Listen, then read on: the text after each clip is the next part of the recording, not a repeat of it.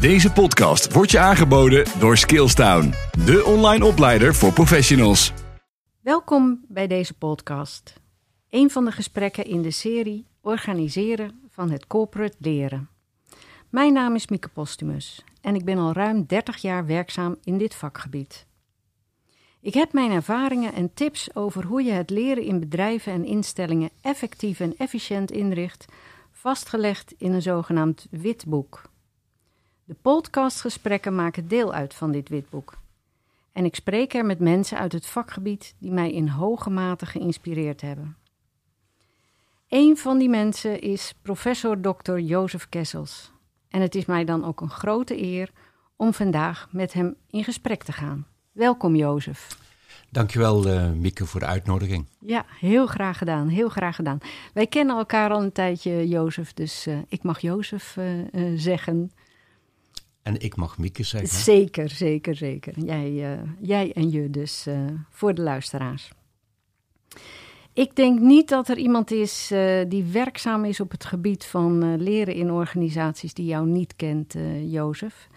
En ik hou het dan ook bij, maar bij een hele korte introductie in, in Vogelvlucht. Je bent van uh, 1995 tot 2000 hoogleraar geweest aan de Universiteit van Leiden. Je bent vanaf 2000 hoogleraar Human Resource Development aan de Universiteit van Twente geweest. En sinds 2016 met emeritaat. Van 2011 tot 2021 was je hoogleraar edu Educational Leadership verbonden aan de Open Universiteit. En natuurlijk niet te vergeten, in 1977 startte je samen met Cora Smit, Kessels en Smit, de Learning Company. Het bestaat nog steeds en het is inmiddels uitgegroeid tot een, eh, een internationaal advies- en onderzoeksbureau op het gebied van opleiden, leren en ontwikkelen van mensen in hun werk. En je hebt, ja, hoeveel? Kun je zelf een schatting geven van het aantal boeken waar jouw naam op staat? Um, geen idee, uh, Mieke. Het is ook on oninteressant om het te tellen. Maar als je het wilt zien, uh, ik heb een openbare digitale bibliotheek. Kun je alles uithalen wat je Op wil. Op je website, hè? ja. Die heb ik natuurlijk bekeken en daar kwam geen eind aan. je moest heel lang scrollen voordat je bij dat eind was. Maar goed, een tal van wetenschappelijke en praktijkgerichte publicaties over leren in organisaties uh, zijn van, van jouw hand of heb je aan meegewerkt? Nou, een hele korte introductie. Klopt, klopt die een beetje? Je hebt veel meer gedaan, maar. Nou. Dit is natuurlijk het, het schrijven over het werk. waar je veel en onderzoek doen, wat je net genoemd hebt. Maar daarnaast heb ik natuurlijk ook van heel vroeg af aan. in heel veel bedrijven, instellingen, ziekenhuizen, bij de overheid. echt opleidingsprogramma's gemaakt. Ja, vandaar ook die, uh, die praktijkgerichte ja. publicaties, hè, die zo waardevol uh, vol zijn. Ja. Want dat was ook eigenlijk wel het, de reden waarom uh, Cora Smit en ik daar ooit mee begonnen zijn, in, al in 82 met onze eerste publicaties. We maakten instructiefilms voor verpleegkundigen in het ziekenhuis. En er was niets voorhanden van hoe, hoe doe je zoiets. Ja, er waren wel technische dingen voor, aanwijzingen voor hoe je een leuke film maakte. Maar hoe je zoiets opleidingskundig in elkaar zou moeten steken, uh, dat was gewoon onbekend. De onderwijskunde was wel net een opkomst, maar die richtte zich vooral op het leren van jonge kinderen in de school. Ja, nee, dat, dat klopt helemaal. Want zelf heb ik je, je werk leren kennen in de jaren negentig.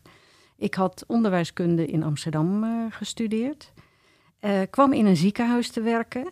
Maar ik had eigenlijk geen idee hoe ik het leren daar uh, vorm moest geven. Want ja, wat je, wat je zelf net zegt, onderwijskunde was in die tijd vooral gericht op het, uh, op het reguliere onderwijs. Uh, het leren van jonge kinderen. Um, maar gelukkig kreeg ik toen het boek um, Opleidingskunde, een bedrijfsgerichte benadering van leerprocessen in handen. Ik heb het uh, hier uh, weer in mijn handen. En nou ja, je ziet, het is ernstig beduimeld. En de koffie is er ook overheen geweest. Ik pak het uh, nog wel eens. Um, maar het is, was voor mij echt een geschenk uit de hemel om te, daarin te lezen. En dus te leren um, ja, hoe ik dat moest gaan, gaan aanpakken. Um, ja, voor iedereen die, die dat graag wil weten hoe ik dat dan gedaan heb, die kan dat witboek waar ik het net over had lezen. Um, maar ik wil graag met jou aan de hand van uh, ja, de vele boeken die je geschreven hebt, en dan natuurlijk niet allemaal, maar een aantal waarin uh, ja, een ontwikkeling of een nieuw inzicht uh, door jou beschreven zijn, kort met je, of niet kort, maar met je langs gaan lopen. om zo te zeggen, een reis door de tijd te gaan maken. aan de hand van een paar van die titels. Zou jij die reis met mij willen maken, Jozef? Heel graag. Oké, dan beginnen we in het jaar 1989. Eh, dat boek Opleidingskunde, waar ik het net over had, is, kwam ook in dat jaar uit. Maar ook de eerste druk van het handboek Opleiders in Organisaties. Dat was in de jaren daarvoor losbladig uh, verschenen. En daar kon je op abonneren, denk ik, hè? Dat heb ik dan niet gedaan, maar ik kreeg dan het, het boek in handen. En volgens mij ben je daarmee bij een groot publiek wel bekend geworden. Het is een verzameling van artikelen van allerhande uh, auteurs, maar wel onder de redactie van jou en van Cora uh, Smit. Nou, vele uh, drukken volgden. Maar we zitten dan in de jaren 80, 90 van, van de vorige eeuw. En zou je eens kunnen schetsen wat toen de situatie was? je gaf het net eigenlijk al een heel klein beetje een voorzet voor. De stand van zaken op het gebied van leren in organisaties toen. Um, er waren een paar uh, grote bedrijven die hadden een eigen bedrijfsschool. En uh, bijvoorbeeld de Nederlandse spoorwegen leidden de eigen machinisten, conducteurs, treiningsleiders, verkeersleiders, technici op. De hoge ovens hadden een grote uh, opleidingscentrum. Um, en wat mij daarin opviel is dat aan de ene kant werd er sterk geleund op de praktische ervaring van de docenten. Dat was natuurlijk heel mooi dat je les kreeg van, uh, van ervaren vakmensen. Um, maar hoe dat nou uh, systematisch aangepakt moest worden, vertellen over je werk is toch iets anders dan een consistent leerprogramma maken. Dus het was het, het meester-gezel-principe, maar meer vertellen over hoe het moest doen, hoe je het moest doen, ja. of voordoen en nadoen. En dat is natuurlijk een, een heel krachtig uh, middel. Uh, in het klassieke onderwijs, daar was meestal de inhoud, de leerstof, het leidende principe bij, uh, bij het lesgeven. Hè. Wel, welke sommetjes moeten kinderen kunnen leren? Problemen in het schrijfonderwijs, uh, geschiedenis, aardrijkskunde en dergelijke. Maar als je verpleegkundige opleidt, heeft het geen zin om te beginnen met de geschiedenis van de verpleegkunde. Ja? Uh, daarmee leer je het vak niet. Het is wel van belang om de achtergrond, achtergrond. Uh, te, te, kennen. Maar, um, en dat bracht mij ertoe om voor de eerste keer die opleidingskundige taakanalyses te maken. Dus echt um, met beroepsbeoefenaren de vraag proberen te beantwoorden: wat is kenmerkend van deze taak? Wat is daar moeilijk aan? Waar maak je zorgen over als een nieuwe collega met je mee gaat doen? Wat, uh, wat is een risico? Waar beleef je plezier aan? Of waar lig je wakker van dat je hoopt dat het jou nooit zal gebeuren? Dat soort vragen om een inzicht te krijgen in hoe sta je, naar het werk, hoe sta je tegenover het werk. En bijvoorbeeld om dat hebben dezelfde achtergrond. We hebben allebei in ziekenhuizen programma's gemaakt. Ik weet nog, een van de eerste programma's die ik maakte was het, uh, een, een, instructiefilm over het wassen van een patiënt. En um, als ik een docent verpleegkunde vroeg, goh, Mirjam, we gaan een, uh, een filmpje maken over uh, het wassen van een patiënt. hoe doe je dat? En dan zei zo'n ervaren docent, die zei, nou dan het is niet zo, zo ingewikkeld. Je neemt een kom met lauwwarm water en een witte handdoek en een wit washandje voor het, het, gezicht en het bovenlichaam. En een blauw washandje en een blauwe handdoek voor het onderlichaam en de extremiteiten. En ja, ik ben geen verpleegkundige, dus dan moet je vragen van waar zitten die extremiteiten? Hè? Um, maar dat was één verhaal. Maar ik herinner me een verhaal uh, met een jonge verpleegkundige. Um, een meisje wat een, uh, een, een, net in het ziekenhuis aan, het, aan de slag was gegaan. En ik vroeg, we gaan een filmpje maken over het wassen van een patiënt. Um, wat is daar moeilijk aan? En dat meisje zei tegen mij, wat ik moeilijk vind is als ik ochtends met mijn kom met lauwwarm water een kamer binnenstap en er ligt een dooie. En dat is maar een paar keer gebeurd en daar ben ik erg van in de war geraakt, dat dat zo onverwachts gebeurt. En dat is een heel ander verhaal dan een wit washandje en een blauw washandje. Ja. Of uh, mij staat ook nog bij een jongen die tegen mij zegt: uh, nou, Wat ik lastig vind aan het wassen van een patiënt, is als die lijkt op mijn vader of mijn moeder. En ja, je merkt, ik herinner me dat nog precies. Uh, hoe dat was in 1975. Hè? Dus er kwamen hele andere uh, antwoorden op jouw vraag van uh, waar denk je aan of wat vind je moeilijk aan het, aan het wassen van een patiënt, dan de, de, de kale instructie van je gebruikt het washandje, warm half lauw water ja. enzovoort. Terwijl die aspecten van jonge beroepsbeoefenaren bepalend zijn of je je prettig voelt in het vak, of je, of je door wilt. En we zagen ook dat er vrij veel jonge mensen ook weer afhaakten. Nou, en dat is toch wel een, uh, dat was een opbrengst van, ja, ik noem een beetje kaal, die opleidingskundige taakanalyse. Uh, dat je toch ruimer naar dat werk gaat kijken. En niet alleen maar die technisch instrumentele instructies, zoals je aangaf. Ja, maar er staat een heel mooi schema in het, uh, het boek. Hè? Dat wordt nog, nog steeds gebruikt. Ik gebruik het ook nog wel eens. Ben je niet bang dat als je het schema volgt en dus die functionele analyse gaat maken van wat zijn de taken van de, de, deze beroepsbeoefenaar, dat je alleen op dat instrumentele komt? Dus dat je niet die vragen uh, over uh, uh, ja, de, de, zorgen waar men zich, de zorgen die men zich maakt of de angsten die men heeft, of dat dat wel ja. voldoende naar voren komt? Nou, ik ben het helemaal met je eens dat zo'n stappenplan uh, een hulpmiddel is om structuur aan te brengen in dat ontwerptraject. Maar ik heb later ook bij elke stap een aantal voorbeeldvragen opgenomen die behulpzaam zijn om meer diepte te geven aan die analyse. Ja. En het maakt natuurlijk ook heel veel uit of je een zeer ervaren verpleegkundige uh, de zettechniek uh, probeert te instrueren om een aureomycine-injectie te geven die al heel veel ervaring heeft, maar er komt een technisch aspect bij. Of een beginnende beroepsbeoefenaar die ook uh, die nieuwe werk- en leefwereld zich eigen moet maken. Ja. Dus daar moet je ook als ontwerper gevoelig voor zijn. En juist misschien die ontwerper, uh, ik kan me voorstellen dat de vakspecialist alleen maar blijft bij die technische handelingen. Ja. En de, dat de, de, de, de ontwerper, zoals je het ja. mooi noemt, de, de, de leerprofessional, juist zou moeten weten van hé, hey, maar er zitten meer dingen ja. omheen dan alleen die handelingen die uitgevoerd moeten worden. Ik denk dat je hier een interessant punt naar voren brengt. Um, vaak hebben mensen aan mij gevraagd, maar hoe kan jij um, een opleiding voor verpleegkundigen maken? Of voor uh, um, uh, een bijscholingsprogramma voor artsen? Of uh, uh, een herontwerp maken voor de opleiding voor rechters of officieren van justitie. Je bent toch geen jurist, je bent geen verpleegkundige, je bent geen ingenieur, hè? je bent geen arts.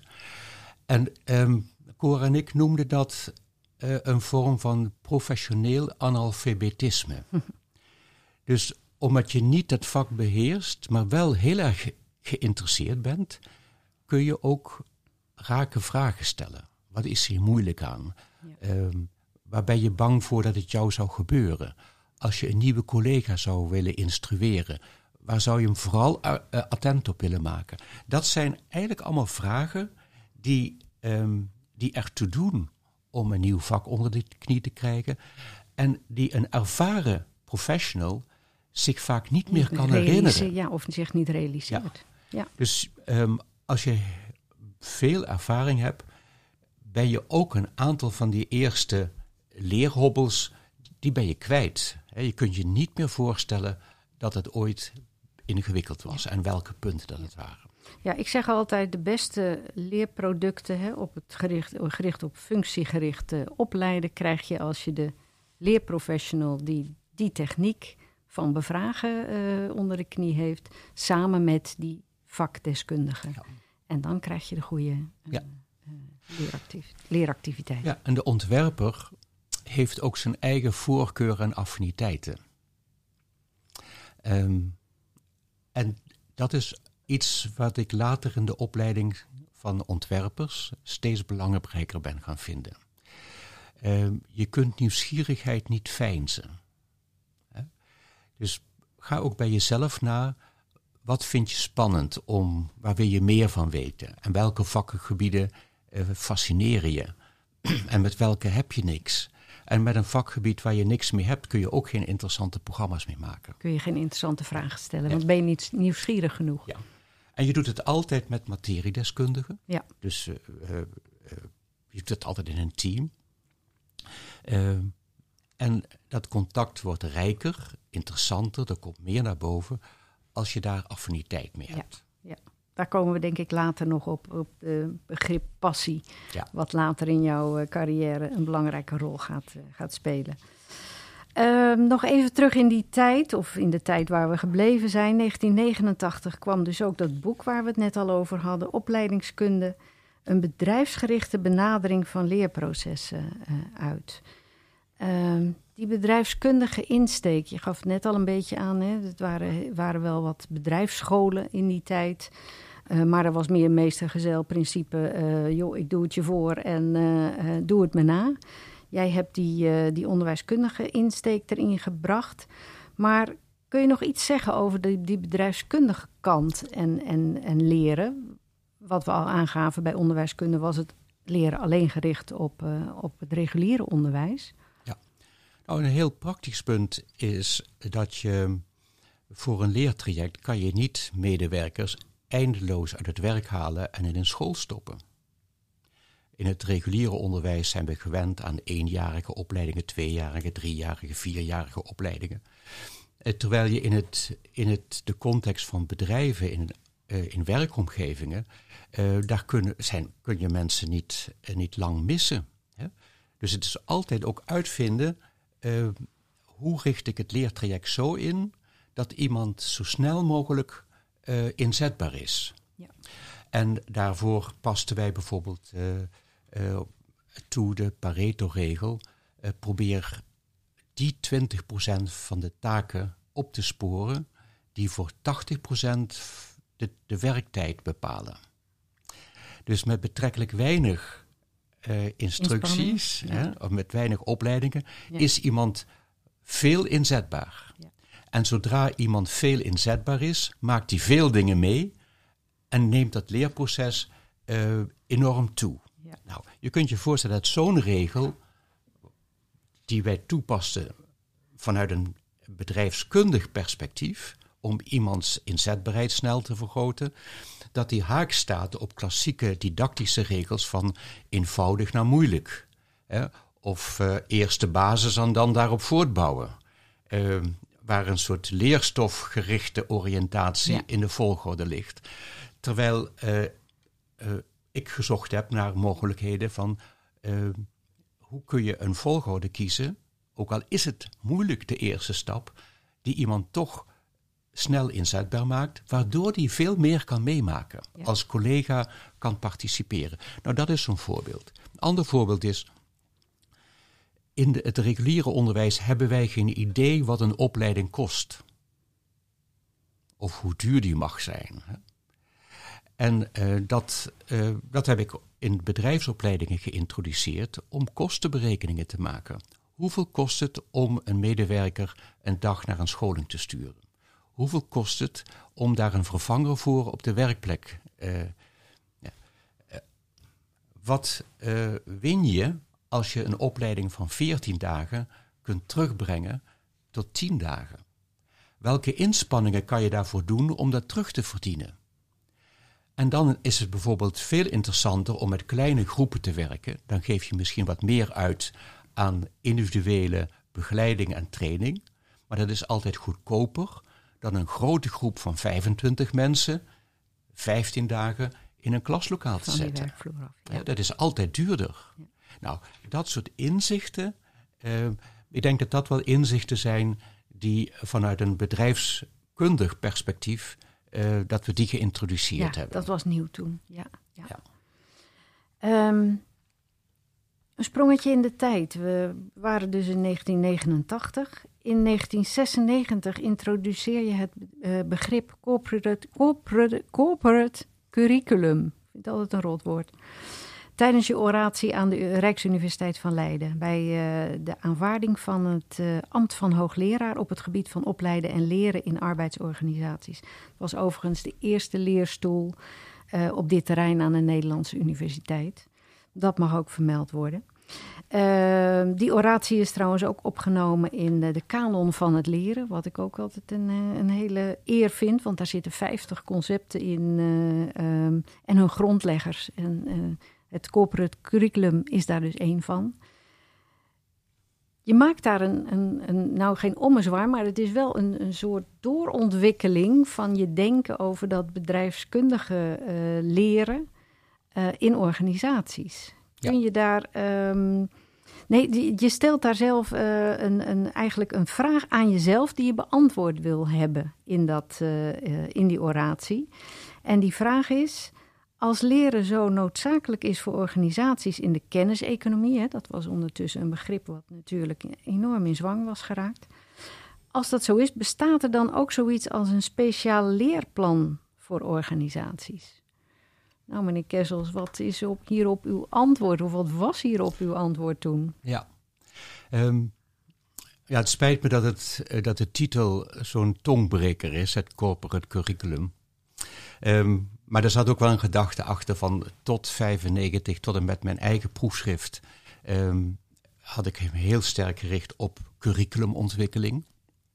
En dat was meestal rond een specifieke taak of een specifiek vraagstuk in een organisatie. En uh, inmiddels had ik zoveel ervaring opgedaan in, uh, in met opleidingen in, uh, en, en leren in organisaties, dat ik ook wel zag dat je niet alles via een trainingsprogramma kon regelen. Dat dat ook overschat werd. Maar dat die, dat die organisatie als geheel als krachtige leeromgeving werkt. Krachtig in positieve zin, maar ook in negatieve zin. En um, een, een bekende omschrijving van het begrip curriculum is een leerplan, een plan for learning, zoals Staba dat uh, al heel vroeg genoemd heeft. En ik was ontzettend geïnteresseerd in die ontwikkeling van die kennismaatschappij. Dus dat kennis en kennisontwikkeling waarschijnlijk een grotere invloed zal hebben op toekomstige maatschappij dan de klassieke productiemiddelen als arbeid, kapitaal en grondstoffen. En dan wordt ook het vermogen om aan die kennisontwikkeling te werken, wordt het belangrijkste vermogen van een moderne organisatie. En als kennisontwikkeling zo'n belangrijk vermogen is, dan zou je dus ook moeten nadenken over een leerplan voor die kennisontwikkeling. En dat is eigenlijk de basis voor dat idee geweest van een corporate curriculum. Ik heb daar een, een aantal leerfuncties geformuleerd die er kennelijk toe doen om een organisatie slimmer te maken. En dat waren leerfuncties die niet alleen betrekking hadden op materiedeskundigheid. Bijvoorbeeld als je in een, in een bank werkt, dan is finance een belangrijk punt of eh, bankzaken. Maar ook het vermogen om lastige problemen aan te pakken. Ook het vermogen om op je werkwijze te reflecteren. Dat was eigenlijk best vroeg in 95 om daar uh, aandacht aan te besteden het belang van sociale bekwaamheden. En dat bedoelde ik niet zozeer sociale communicatieve vaardigheden om, om beleefd met twee woorden te spreken, maar bekwaamheden om je toegang te verschaffen tot het kennisnetwerk van anderen.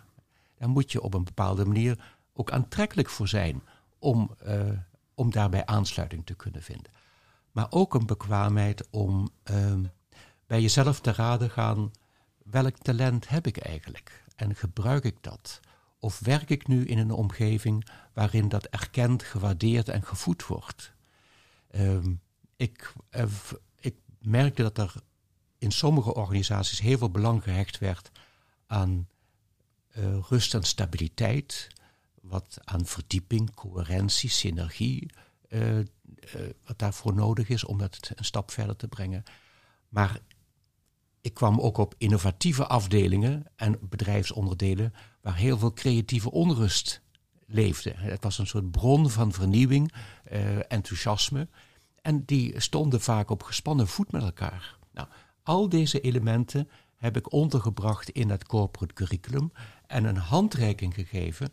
Ehm, in de zin van, als je graag aan een lerende organisatie wil werken, daar hadden we wel al veel gesprekken over, over dat concept, dan zijn dit een aantal hefbomen waar je aan zou kunnen trekken om dat een stap verder te brengen.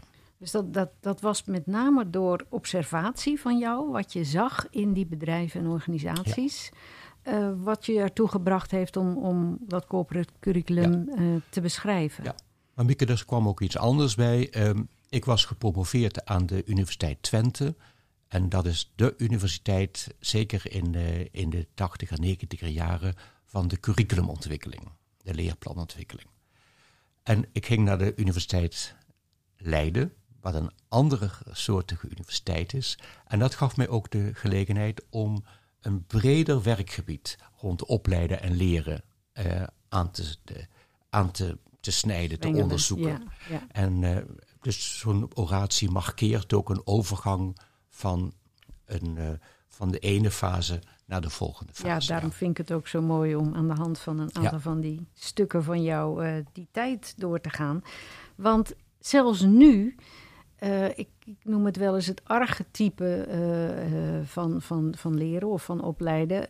als je ergens binnenkomt als leerprofessional, dan word je, word, word je meteen gezien als de man of vrouw oh ja, van de cursussen en de trainingen.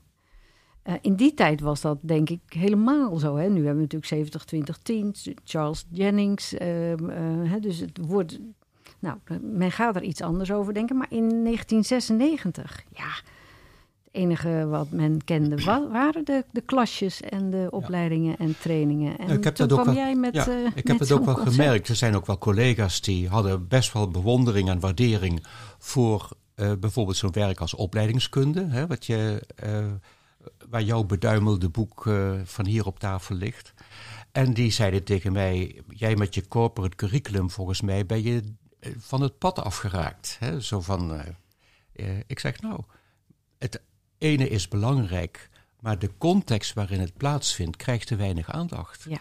En, ehm, en inmiddels is het idee van een leercultuur, een leerklimaat, de cruciale rol die leidinggevenden spelen om een gunstige invloed uit te oefenen op het leerklimaat. Dat is nu intussen gelukkig wat meer gemeengoed. Um, terwijl ja, het aanbieden van trainingen en cursussen onverminderd doorgaat. Ja, ja, ja precies. Want, want hoe zie je dat dan? Uh, aan de ene kant is dat inzicht van die leer- of de werkomgeving is de beste leeromgeving. En vervolgens uh, zie ik nog bij heel veel organisaties uh, de opleidingsplannen met de cursussen en trainingen van 9 tot 5. Ja. Of misschien nu tegenwoordig online, maar het, de inhoudelijke kant of de onderwijskundige kant is daarin niet zo heel veel veranderd. Ja, het is een heel diep geworteld probleem. Um, veel mensen vinden het gepraat over leercultuur en leerklimaat ook vaag geklets. Het is weinig houvast. En een cursus van drie dagen, die kun je inplannen. Daar kun je een rekening voor sturen. Daar kun je een klaslokaal voor uh, huren. Uh, het is, uh, is behapbaar. Kun je de return on investment voor berekenen? Al, als het dat kan. Als hè? dat al zou kunnen. Ja. Maar het, dat is nog steeds een lastig probleem. Maar Mieke, ehm, we hebben heel veel vorderingen gemaakt over het belangstelling creëren voor opleiden en leren op de werkplek. Ehm, dat die werkplek een krachtige leeromgeving is. dat daar verschillende actoren een grote rol spelen. Dat is echt gewonnen terrein. Maar we zijn er nog lang niet en het gaat heel langzaam. Nee, want in het jaar 2000, als we dan weer even uh, de reis gaan vervolgen, dan aanvaard jij het tweede hoogleraarschap, Human Resource Development, aan de faculteit Toegepaste Onderwijskunde in Twente. En daar is de titel van jouw inaugurele reden Verleiden tot kennisproductiviteit. Ja. Ook dat is weer een voortzetting van jouw gedachten en ideeën en observaties van, uh, van Leiden, zeg maar, hè, van het corporate curriculum. Um, en de aandacht die, die er eerst was voor, voor het leren van het individu, wordt dan hier verlegd naar die kenniscreatie. Dus die individuen, de kennis en ervaring van mensen juist inzetten om tot kennisproductiviteit te komen. Ja, ik ben dat zelf organisatieleren gaan noemen. Dus niet zozeer mijn tekorten aan kennis en vaardigheden zijn het onderwerp van het leren, maar de vraagstukken waar de organisatie voor, uh, voor staat. Maar ook de gedachte, en dat, dat, gaat schuil in het begrip kennisproductiviteit. Ik heb daar me laat door in laten inspireren door het werk van Pieter Drucker. Um, die schreef een, voor mij een heel belangrijk boek, uh, Post-Capitalist Society. Uh, waarin hij beschrijft dat we die overgang maken van een productiviteitsrevolutie naar een kennisrevolutie. En hij zegt daar op een gegeven moment: het, de kernbekwaamheid van een moderne organisatie is het vermogen om kennis productief te maken. En dat doe je door kennis toe te passen op de kennisontwikkeling. Want die kennis, zeg jij heel duidelijk, dat is een individuele bekwaamheid, hè? Ja, ik heb kennis uh, van meet af aan omschreven als een bekwaamheid. Een vermogen om iets te kunnen. En daarmee uh, maak ik ook geen onderscheid meer tussen kennis en vaardigheden. Ja, heel veel wat wij nu kennis noemen is geen vaardigheid. Mhm. hè? Het weten hoe iets zit of hoe iets heet of een definitie is nog geen bekwaamheid. En het gaat mij in de context van arbeidsorganisaties om de bekwaamheid. Dat je het kunt toepassen. En um, dat ontwikkelen van die kennis dat is voor organisaties een kernaangelegenheid. Maar organisaties zijn daar niet op ingericht. We zien heel vaak de, het onderscheid tussen je hebt hier het werk, een nieuwkomer kan dat nog niet en daarom leiden we hem eerst daarvoor op. En als dat beter kan op en rond het werk, dan doen we aan werkplekinstructies of werkplekleren. En ik wilde de stap maken van het werk zelf is een vorm van leren. Want ik realiseerde me dat uh, heel veel beroepsgroepen, ook ikzelf, wij gaan s ochtends op stap. We komen met tal van vraagstukken en problemen op die dag tegen. Die, die worden we mee geconfronteerd. En voor weinig van die vraagstukken zijn wij ooit opgeleid of geleerd. En toch komen we s'avonds heel uit thuis. En dat kunnen we omdat we op zo'n dag aan zo'n thema heel intensieve leerprocessen doormaken. Daar was ik geïnteresseerd in. En dat bracht mij ook ertoe om te omschrijven: het dagelijkse werk is een hele krachtige vorm van leren. Laten we daarom die werkomgeving ook inrichten als een aantrekkelijke leeromgeving. En dat is natuurlijk een hele stap verder uh, in het denken over dat corporate curriculum um, ik had het in Leiden al genoemd, een rijk landschap voor leren en ontwikkelen. En dat heb ik in die Twentse periode, uh, kreeg ik de gelegenheid om dat nog een stap verder te brengen. En dat individuele leren speelt natuurlijk een belangrijke rol. Maar het samenleren, in teams leren, uh, het leren over afdelingen heen. Hoe komt het dat sommige afdelingen uh, gewoon met zichzelf bezig zijn en dat er niets van kennisstromen plaatsvinden en andere gedijen enorm in, in een netwerkachtige uh, constructie. Ehm, dat fascineerde mij en dat is voor, ja, misschien ga ik, ga ik wat, wat, maak ik het wat al te bond, maar ehm, het idee van netwerken waarin kennis, expertise stroomt door de veelheid van connecties. Hè? Uh, dan is al gauw duidelijk dat je een soort metafoor hebt van het brein, de hersenen. Hè? Hersenen die sterk ontwikkeld zijn, hebben heel veel connecties, heel veel verbindingen met heel veel informatieuitwisseling. Een krachtige computer is een computer die heel veel connecties aangaat. Waarom is internet zo belangrijk? Omdat het een enorm ongebreideld netwerk is van informatiestromen. Nou, Als je dus werk organiseert op een geïsoleerde manier, waar geen verbindingen zijn, is het per definitie een domme plek. Ja. En slimme mensen houden het daar ook niet uit, die gaan weg. En je blijft achter met de gehoorzame mensen die braaf doen wat je zegt. Maar daar zou je echt geen innovaties mee kunnen teweegbrengen. Maar dan, ehm, je noemt het zelf al, die kennis moet gaan stromen tussen die mensen die aan het, eh, aan het werk zijn. Het liefst ook tussen die afdelingen. Want hoe vaak zien we niet die schotten die, eh, die, die het, het, het leren, het, het eh, verbeteren van de organisatie in de weg staan. Ehm, maar waar ik dan steeds naar op zoek ben, is uh, of de vraag die ik heb, kun je dat leren dan ook faciliteren of stimuleren? Want dat 70-20-10, dat, nou, dat is dan de, de moderne versie van uh, uh, hoe jij het nu omschrijft. Daar loopt iedereen achteraan. Maar als ik dan vraag, ja, maar hoe geef je die 70% dan vorm? Ja, dan zegt iedereen, ja, de leeromgeving of de werkomgeving is de leeromgeving. Maar je, kunnen wij als leerprofessionals iets doen om het op die werkplek, uh, die kennisuitwisseling te faciliteren, te initiëren, te, te, te stimuleren? Of moeten we het gewoon maar laten zoals het is en, en zeggen van uh, de, de, het leerklimaat, de, de, de, de omgeving, de, nou ja, de, de dingen die jij inderdaad noemt, eh, de passie, de rust, uh, creatieve onrust enzovoort, moet ontstaan nou, het gebeurt niet vanzelf. Nee, dat... En heel veel organisaties werken het zelfs bewust tegen. Bijvoorbeeld, we hebben de hele ontwikkeling gehad van lean en mean. Uh, alles organiseren dat zo efficiënt is dat iedereen precies op tijd de instructie uitvoert en dat er zo weinig mogelijk eh, spil is, hè? Uh, weinig overtolligheid.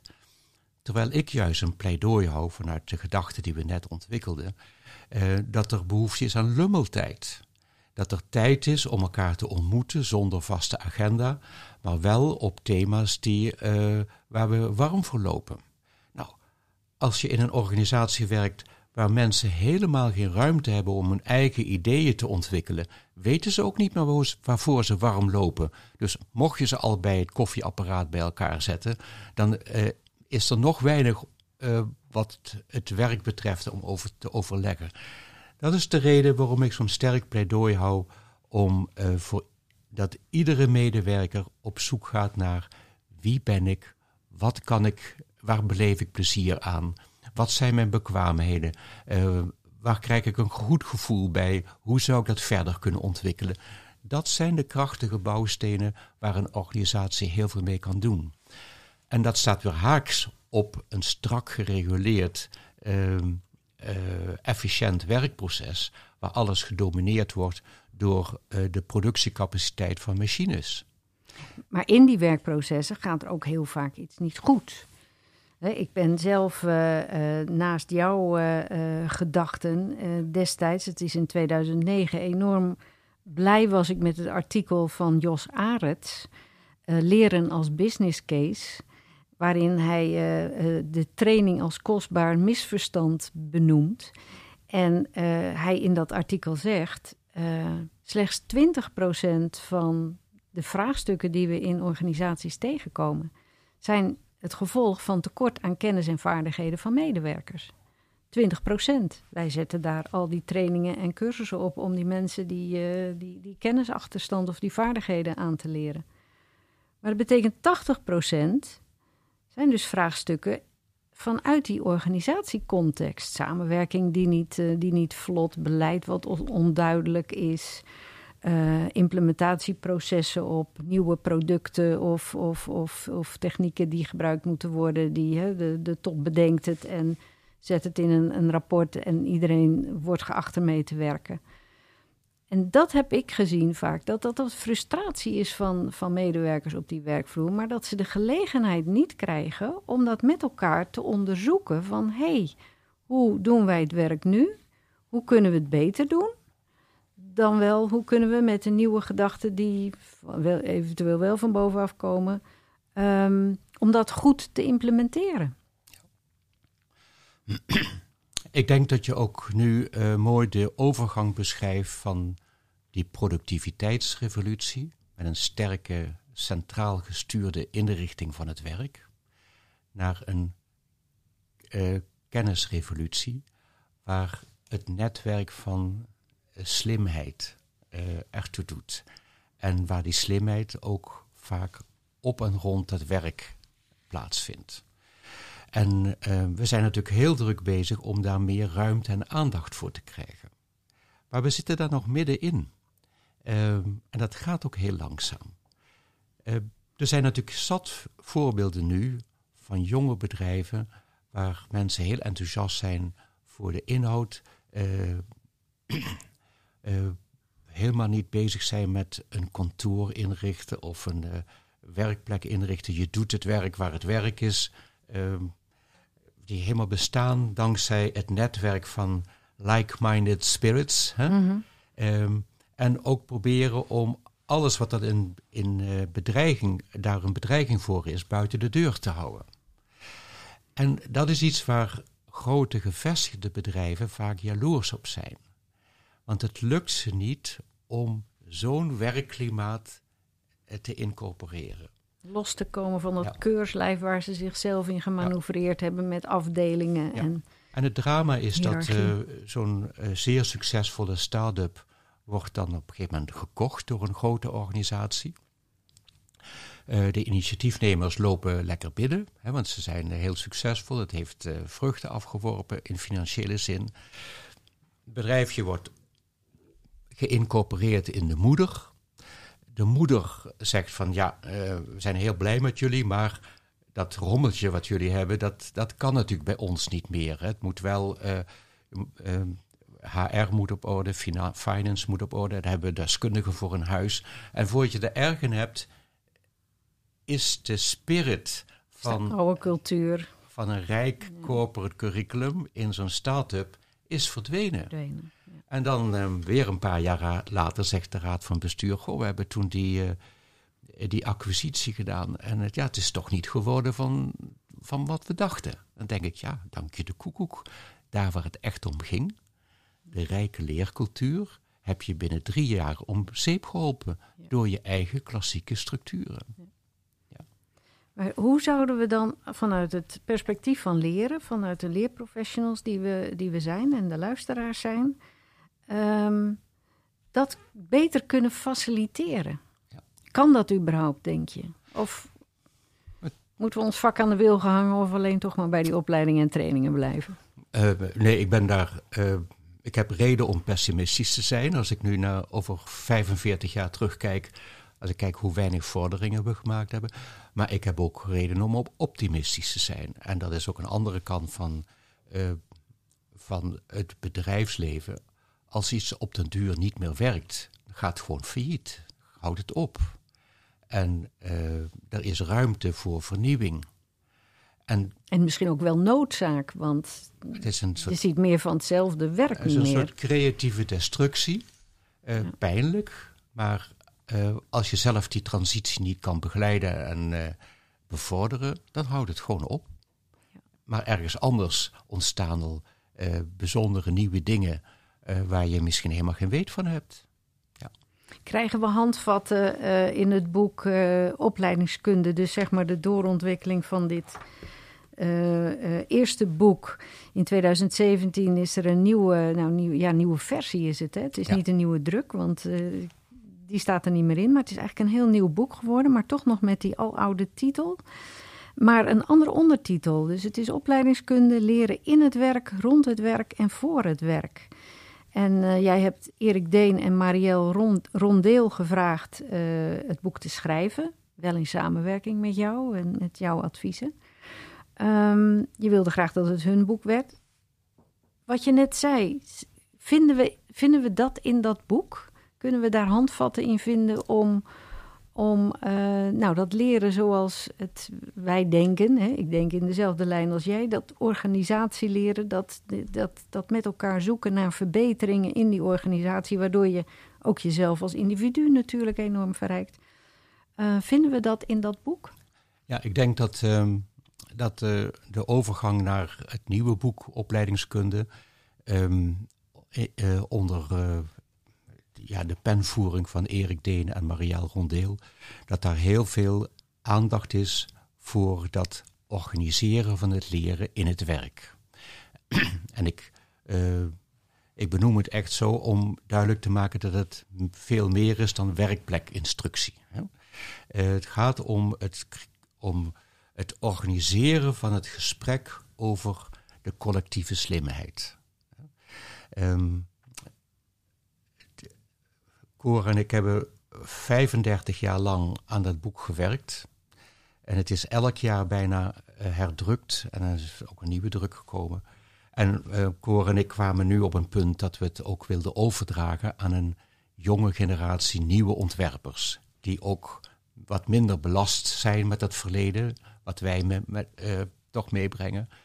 En um, ik ben daar heel blij dat dat, dat dat gelukt is om een nieuwe generatie ontwerpers van leeromgevingen, om die op deze manier aan het woord te laten. Ja, waar die inzichten waar we dit gesprek ja. over gehad hebben ook in verwerkt zijn.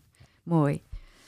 Wat, ja. wat, niet wil zeggen dat die inzichten van mij intussen stop staan. Nee, nee, nee, want daar wil ik je, wil ik je zeker nog naar vragen. We hebben de, de, de boeken, de iconische boeken mag ik wel zeggen, uh, uh, besproken.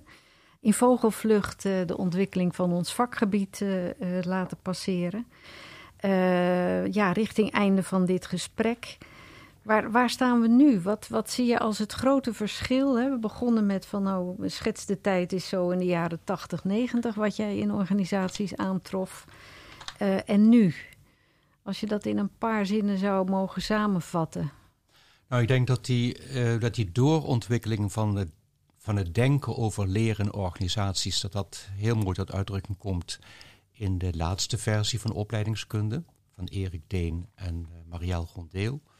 Um, ik heb natuurlijk ook een uh, grote belangstelling voor meer de filosofische kant van organiseren.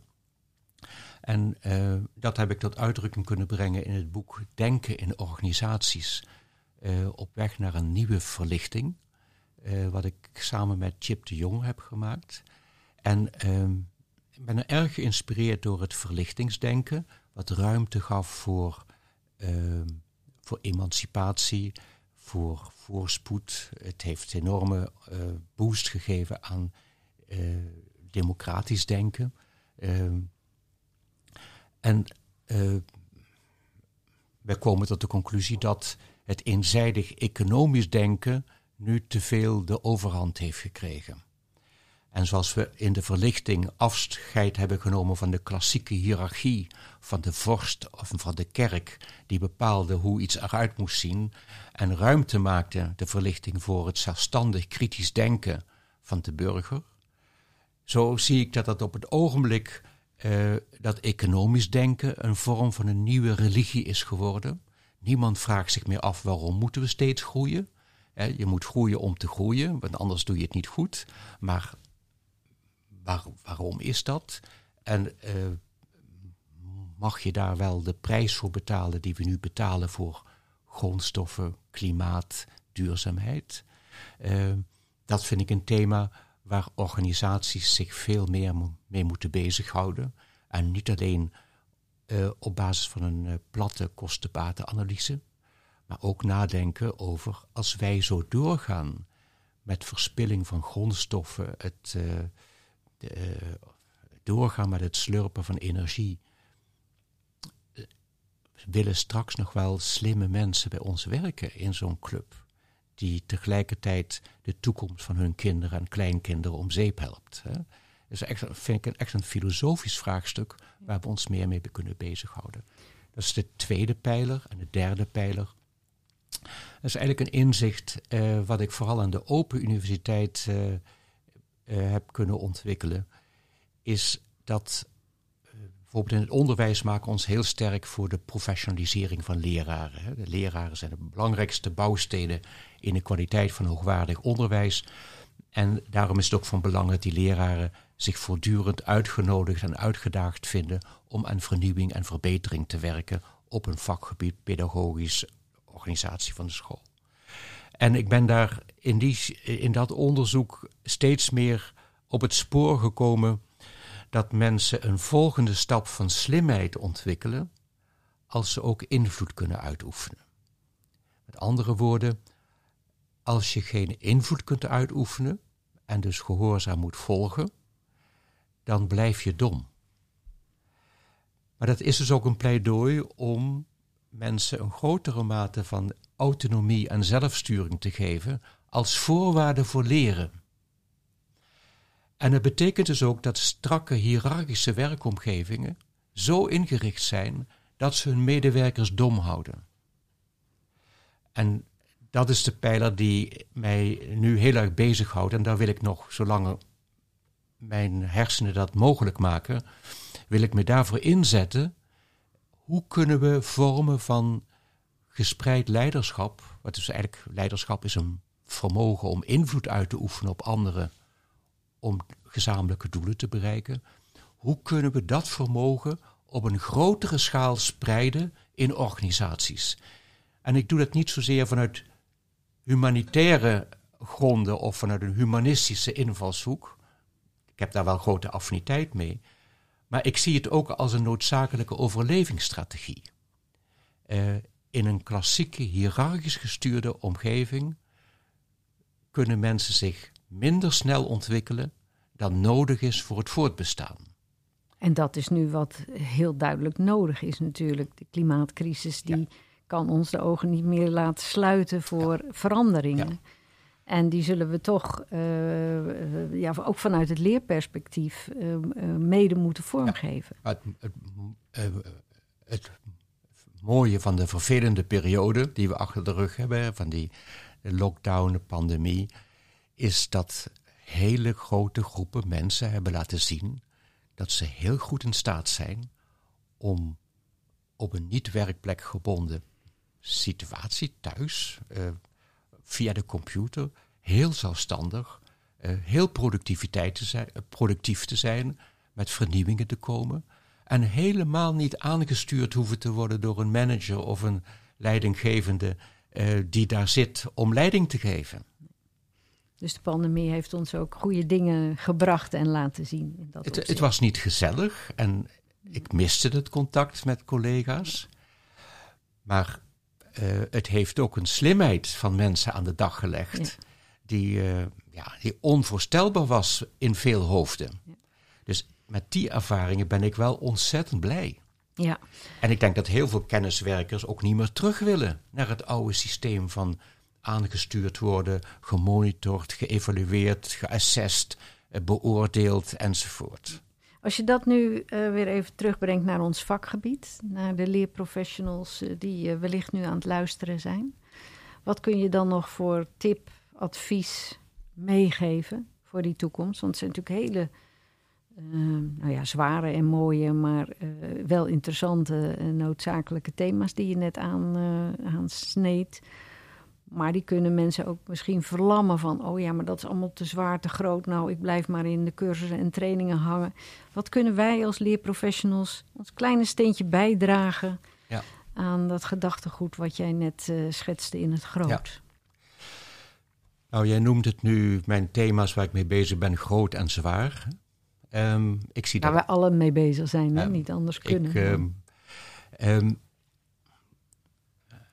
wat ik aangeef eh, je verleidt me eigenlijk om een periode van 45 jaar ontwikkeling van, het, van de opleidingskunde, eh, denken over opleiden en leren in organisaties, om dat te reconstrueren. En dan krijg je te maken met ook een ontwikkeling die ik zelf doorgemaakt heb.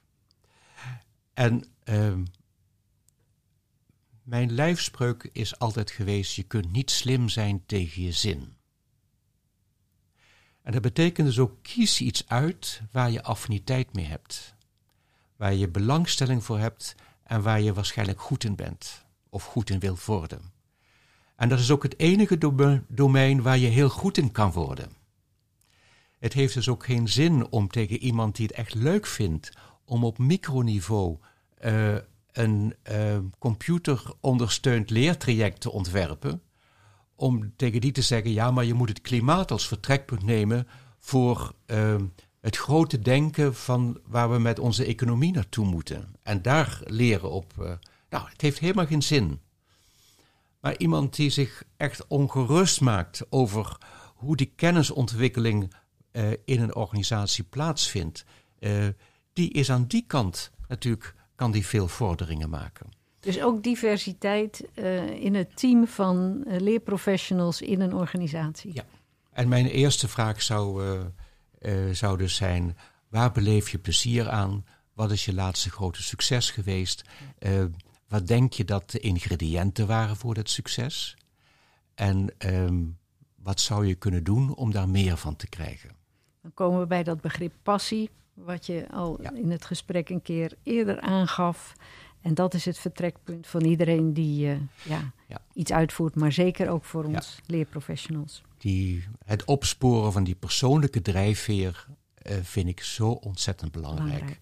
En ik ben ook wel eens bang dat met name in het formele onderwijs dat daar weinig oog voor is. Daar is toch nog steeds het leerplan wat voorgeschreven is. Met kerstmis moet, boekje 4 en 5 van rekenen en taal uit.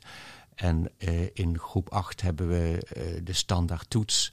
En uh, dus we zeggen wel dat het kind centraal staat en dat, dat de school er is om elk talent optimaal te ontwikkelen en te laten, zich te laten ontplooien spuntje bij paaltje komt, moet je gewoon zoveel cijfers halen en een CITO-score die zo hoog is. Dus dan maken we dat helemaal niet waar, dat idee. Nou, het mooie van bedrijfsopleidingen, van corporate education, van de wereld van uh, opleiden, leren en ontwikkelen, is dat we die ruimte wel hebben. Want er is niemand die voorschrijft uh, aan welke exameneisen je moet voldoen, uh, door welke hoebels je moet springen. je kan echt zeggen van wie ben jij, wat kan je goed en hoe kunnen we je helpen om daar meer van te krijgen. En zo het bedrijf ook verder te helpen. Nou, met deze inspirerende wijze en tot nadenken stemmende uh, woorden, uh, Jozef, uh, zijn we aan het eind gekomen van dit gesprek. ik dank je meer dan hartelijk voor deze reis in de, in de tijd. En ik denk dat je voor de luisteraars een prachtig overzicht hebt gegeven van de ontwikkeling van ons vakgebied in de afgelopen decennia. En met een mooi doorkijkje ook naar de toekomst. Dank je wel. Deze podcast wordt je aangeboden door Skillstown, de online opleider voor professionals.